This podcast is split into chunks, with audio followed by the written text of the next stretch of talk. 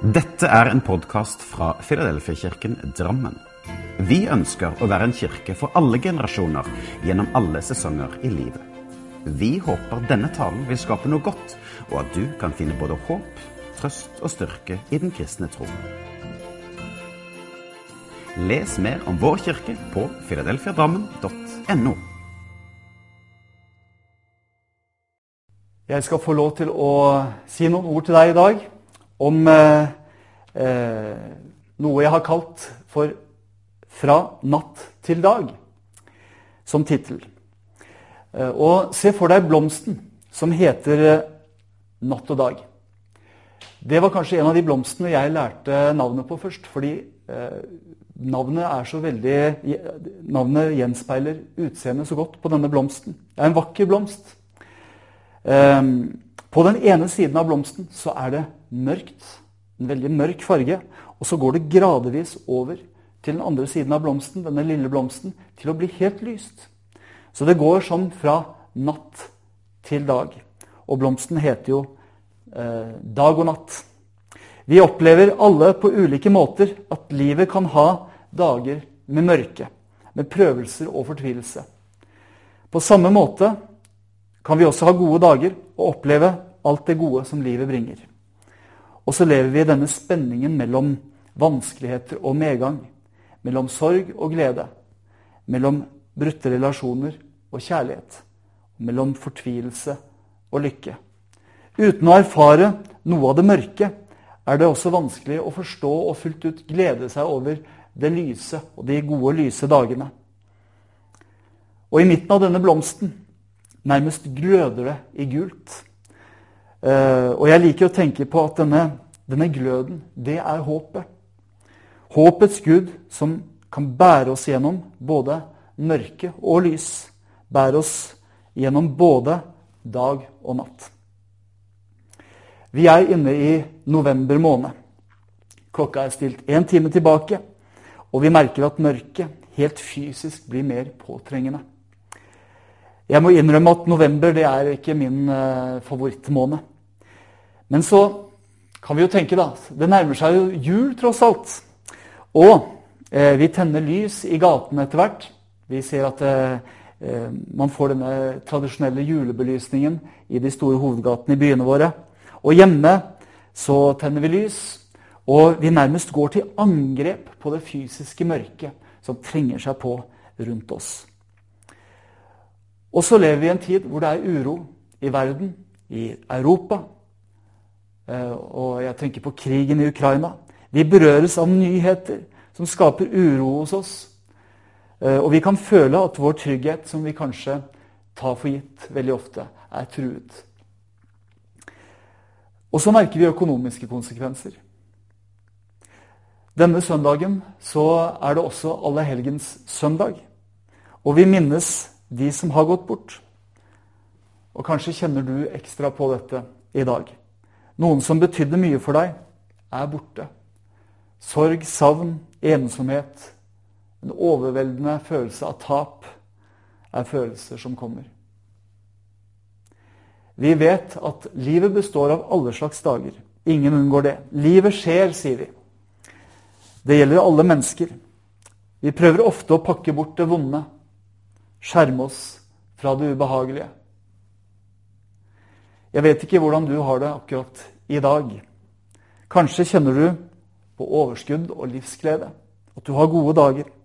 Eller du kjenner kanskje på nedstemthet, redsel, bekymring eller sorg. Men vi blir møtt, nødt til å møte livet sånn som livet er. Og vi blir også nødt til å møte døden sånn som den er. Det er realiteten for alle. Og så har vi et håp. Vi kan bæres av en tro og bæres av en Gud som tåler både livet og døden. Gud nærmest går til angrep på det åndelige mørket i verden. Som vi prøver å jage bort, På samme måte som vi prøver å jage bort novembermørket med å tenne lys i gater og, og, og hjemmene våre, så forteller Bibelen historien om Guds kjærlighet til oss redningen og evig liv med ham. I Johannes 3, 16 så står det For så høyt har Gud elsket verden, at han ga sin sønn den enbårne, for at hver den som tror på ham, ikke skal gå fortapt, men ha evig liv. Det er håpet som vi kan ha. Vi skal gå til eh, Apostelens gjerninger 27. Og der er det en fascinerende og eh, dramatisk historie om Paulus i stormen. Eller Paulus gjennom stormen, kan vi kalle det. Um, denne historien må du gjerne lese mer nøye i Apostelens gjerninger 27. Men jeg har lyst til å ta oss litt sånn fort gjennom historien og peke på tre viktige knagger, eller festepunkter, om du vil, eh, gjennom denne historien.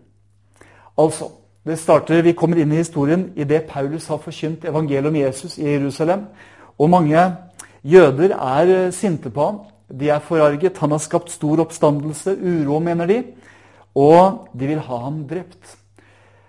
Paulus han er også romersk borger, og han har anket saken sin overfor eh, en landshøvding der i området som het Festus.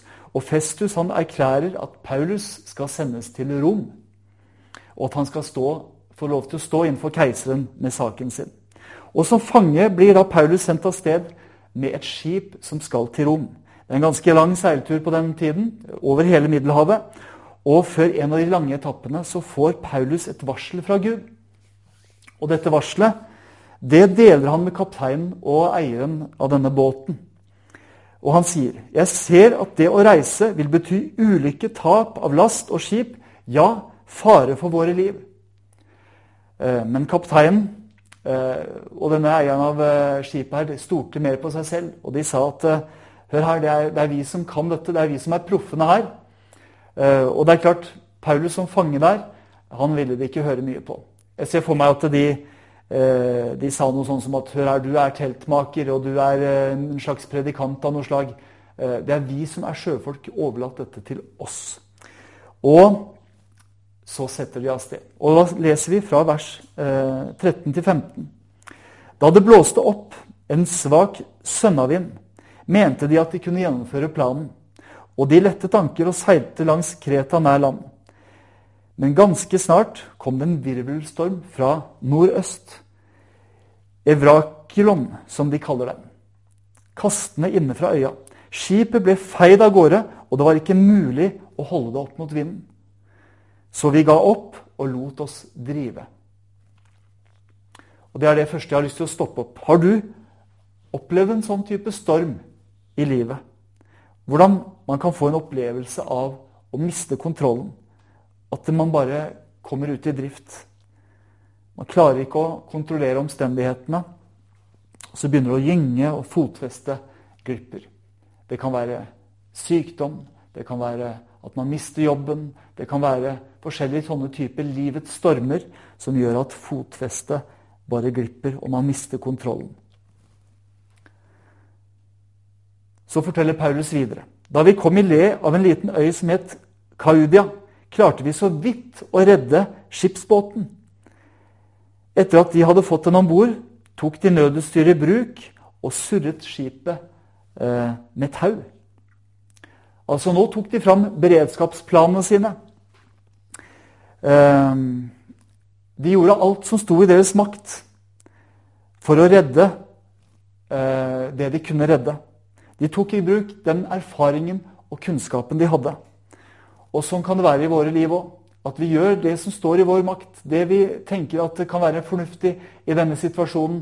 De tiltakene vi kan komme på, de setter vi i verk. Men så leser vi videre. Men stormen raste fortsatt, og neste dag begynte de å kaste lasten over bord. Og sånn kan det også være når ting blir verre i livene våre. Når vi er i et mørke, og vi må prioritere. Om jeg kan redde noe, hva skal jeg redde? Men så leser vi videre i historien om Paulus, så ble det virkelig ille. Den tredje dagen kastet de med egne hender skipsutstyret i sjøen. Verken sol eller stjerne viste seg på flere dager, og det kraftige uværet fortsatte. Til slutt mistet vi alt håp om redning. Altså det står De mistet alt håp om redning. Til og med Paulus mistet håpet. Paulus hadde jo fått et varsel fra Gud som han hadde delt med kapteinen og, og eieren av skipet, om at livene deres ville være i fare. Det står at de mistet alt håp. Altså, hva er håp? Jo, håp det er jo en god forventning om at noe godt skal skje. Når håpet forsvinner, er det bare mørke igjen. Og derfor, Dette er første knaggen som jeg har lyst til at vi skal ta med oss her, og feste oss ved. Det første er hold fast ved håpet. Uansett hva slags mørke du er i, uansett hva slags storm du har i livet ditt akkurat i dag, akkurat nå, så hold fast ved håpet. Det er selve kjernen i Bibelens budskap. Og derfor så kan vi gå inn i en mørketid med et sterkt glødende håp om en velsignelse fra himmelen.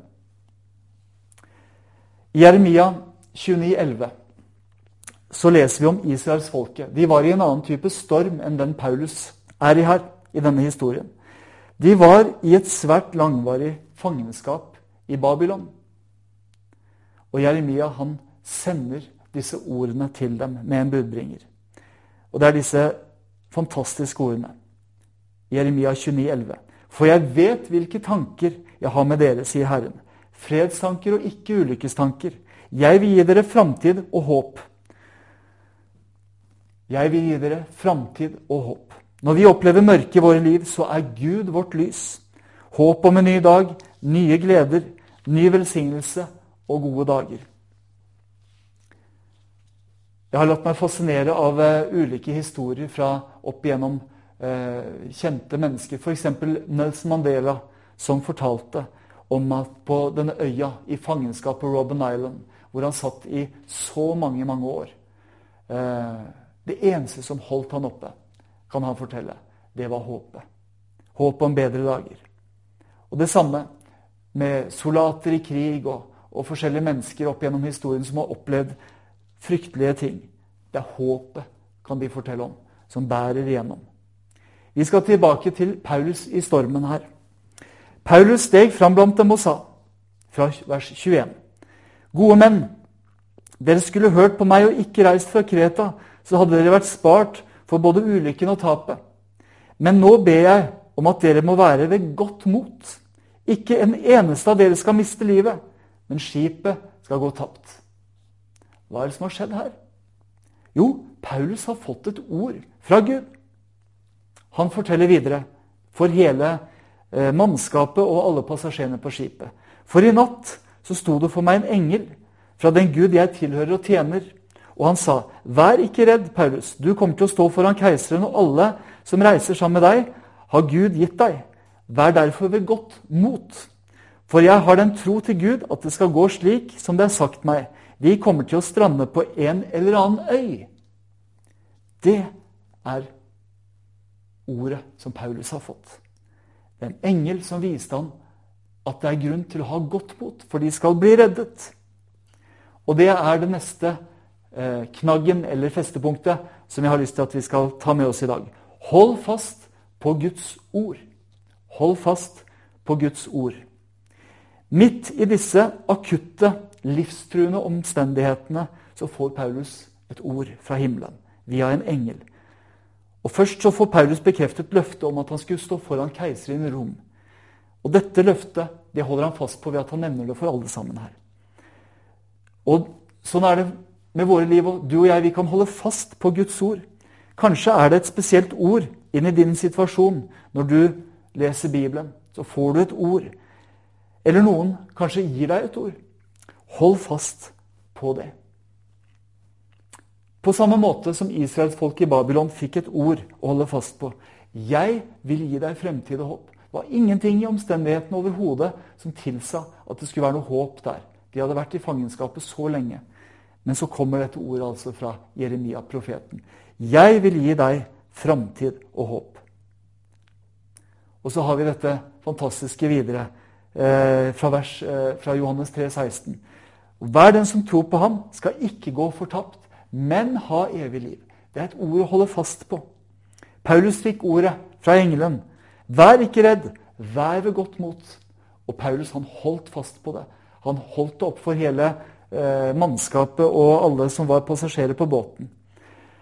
Så hold fast på Guds ord. La det være Guds ord som du velger å la deg prege av og influere av. Før du lar deg prege av andre ting, av influensere eller, eller nyheter eller andres bekymringer og negative utsagn, så la deg først og fremst prege av Guds ord. La det være det som setter tonen for ditt liv og for måten du tenker på. Vi skal avslutte denne historien om Paulus. Eh, for det kom mange flere dramatiske hendelser etter dette at Paulus også fikk dette ordet. Men i hvert fall alle de 276 eh, menneskene som var på båten, de kom seg til land. De berga livet, akkurat som det ordet som Paulus hadde fått. Noen klarte å svømme inn, andre fløyt på vrakrester, men de berga livet. Og de kom om bord på denne øya Malta. Jeg har vært på Malta, og det er, det, er, det er, ikke sånn at de landa på en flott, fin sandstrand. Det er veldig få av de på Malta. Det er mye klipper og, og spisse berg. Men alle kom seg inn på øya og fikk fast grunn under føttene. Og så var det flere ting som skjedde inn på denne øya. Blant annet Det første som skjer, er at de skal fyre opp et bål og varme seg og tørke seg. Og så kommer det en slange ut som biter eh, Paulus på hånda. Men slangebittet har ingen virkning på Paulus. Alle tror at han skal falle død om, men han gjør ikke det. Og de tenker at det er noe helt spesielt med denne mannen. Og så er det en eh, guvernør inne på øya, far til en guvernør inne på øya der, som blir helbredet ved Paulus' forbønn. Og mange flere syke kommer og får eh, bønn, eh, Paulus sin forbønn, og blir helbredet. Så det skjer mye fantastiske ting på denne øya. Eh, og Paulus kommer seg etter hvert videre og kommer til Rom. Og i Rom så får Paulus fullføre sin gjerning. Og um, gjennom alle disse prøvelsene, og spesielt denne dramatiske stormen, så, så kommer Paulus seg gjennom. Og Da kommer vi til det tredje som jeg har lyst til at vi skal ta med oss i dag, og det er løft blikket. For da Paulus fikk beskjed om at han skulle til Rom, så tror jeg ikke han hadde sett for seg en sånn ferd som han fikk. Eh, han hadde kanskje sett for seg en enklere vei, en lettere vei. Ikke at han skulle sveve i livsfare i dagevis over Middelhavet. Samtidig så brukte Gud denne situasjonen, alt dette som skjedde, til, å, eh, at, til, til at Gud fikk ære. Eh, Paulus han bidro til å redde alle disse menneskene ved de ordene han fikk, og ved å være en, en eh, frontfigur i denne dramatiske situasjonen. Det var han som roa menneskene.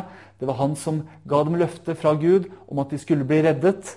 Og det var han som brakte Guds velsignelse, fantastiske velsignelse og helbredelse til denne øya. Paulus han satte sin lit til Gud. Han hadde ikke oppmerksomheten sin bare på farene og bare på bølgene og bare på eh, all lasten som gikk tapt og skipet som gikk ned. Nei, han hadde fokuset sitt og blikket sitt festet på Gud. Og han fikk ord fra Gud som han brakte videre midt inn i den mørke og farlige og, og dramatiske situasjonen som han var midt oppi. Og sånn er det for oss som kirke og for oss som menighet. At vi midt i mørket, midt i november, midt i omstendighetene vi er i verden, og midt i de utfordringene og vanskelighetene som vi og du eh, står i, eh, så kan vi løfte blikket. Vi kan gjøre noe annet enn å bare se på mørket og bare gi det oppmerksomhet. Vi kan løfte blikket og gi vår oppmerksomhet til håpets Gud. I vanskelige tider så søker mennesker Gud. Sånn har det alltid vært opp gjennom hele kirkehistorien. I vanskelige tider så søker mennesker tro, en forankring. Og da skal det ikke være sånn at de møter navlebeskuende kristne kristne som bare er opptatt av, av mørket. Nei, de kan møte kristne som løfter blikket, som rekker ut en hånd, og som kan eh, formidle Jesus som håpet, som redningen og som gleden. La oss holde fast på disse tre punktene som, vi, som jeg har delt nå gjennom denne historien. Hold fast i håpet. Hold fast på Guds ord. Løft blikket. Da får vi erfare at Gud viser oss en vei ut av mørket og natten og inn i lyset og en ny dag. Ta imot Herrens velsignelse. Herren velsigne deg og bevare deg. Herren la sitt ansikt lyse over deg og være deg nådig. Herren løfte sitt åsyn på deg og gi deg sin fred. Amen.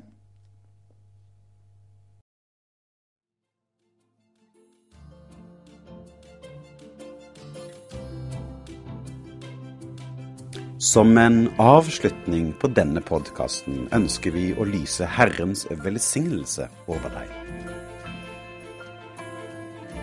Herren velsigne deg og bevare deg. Herren la sitt ansikt lyse over deg og være deg nådig. Herren løfte sitt åsyn på deg og gi deg fred.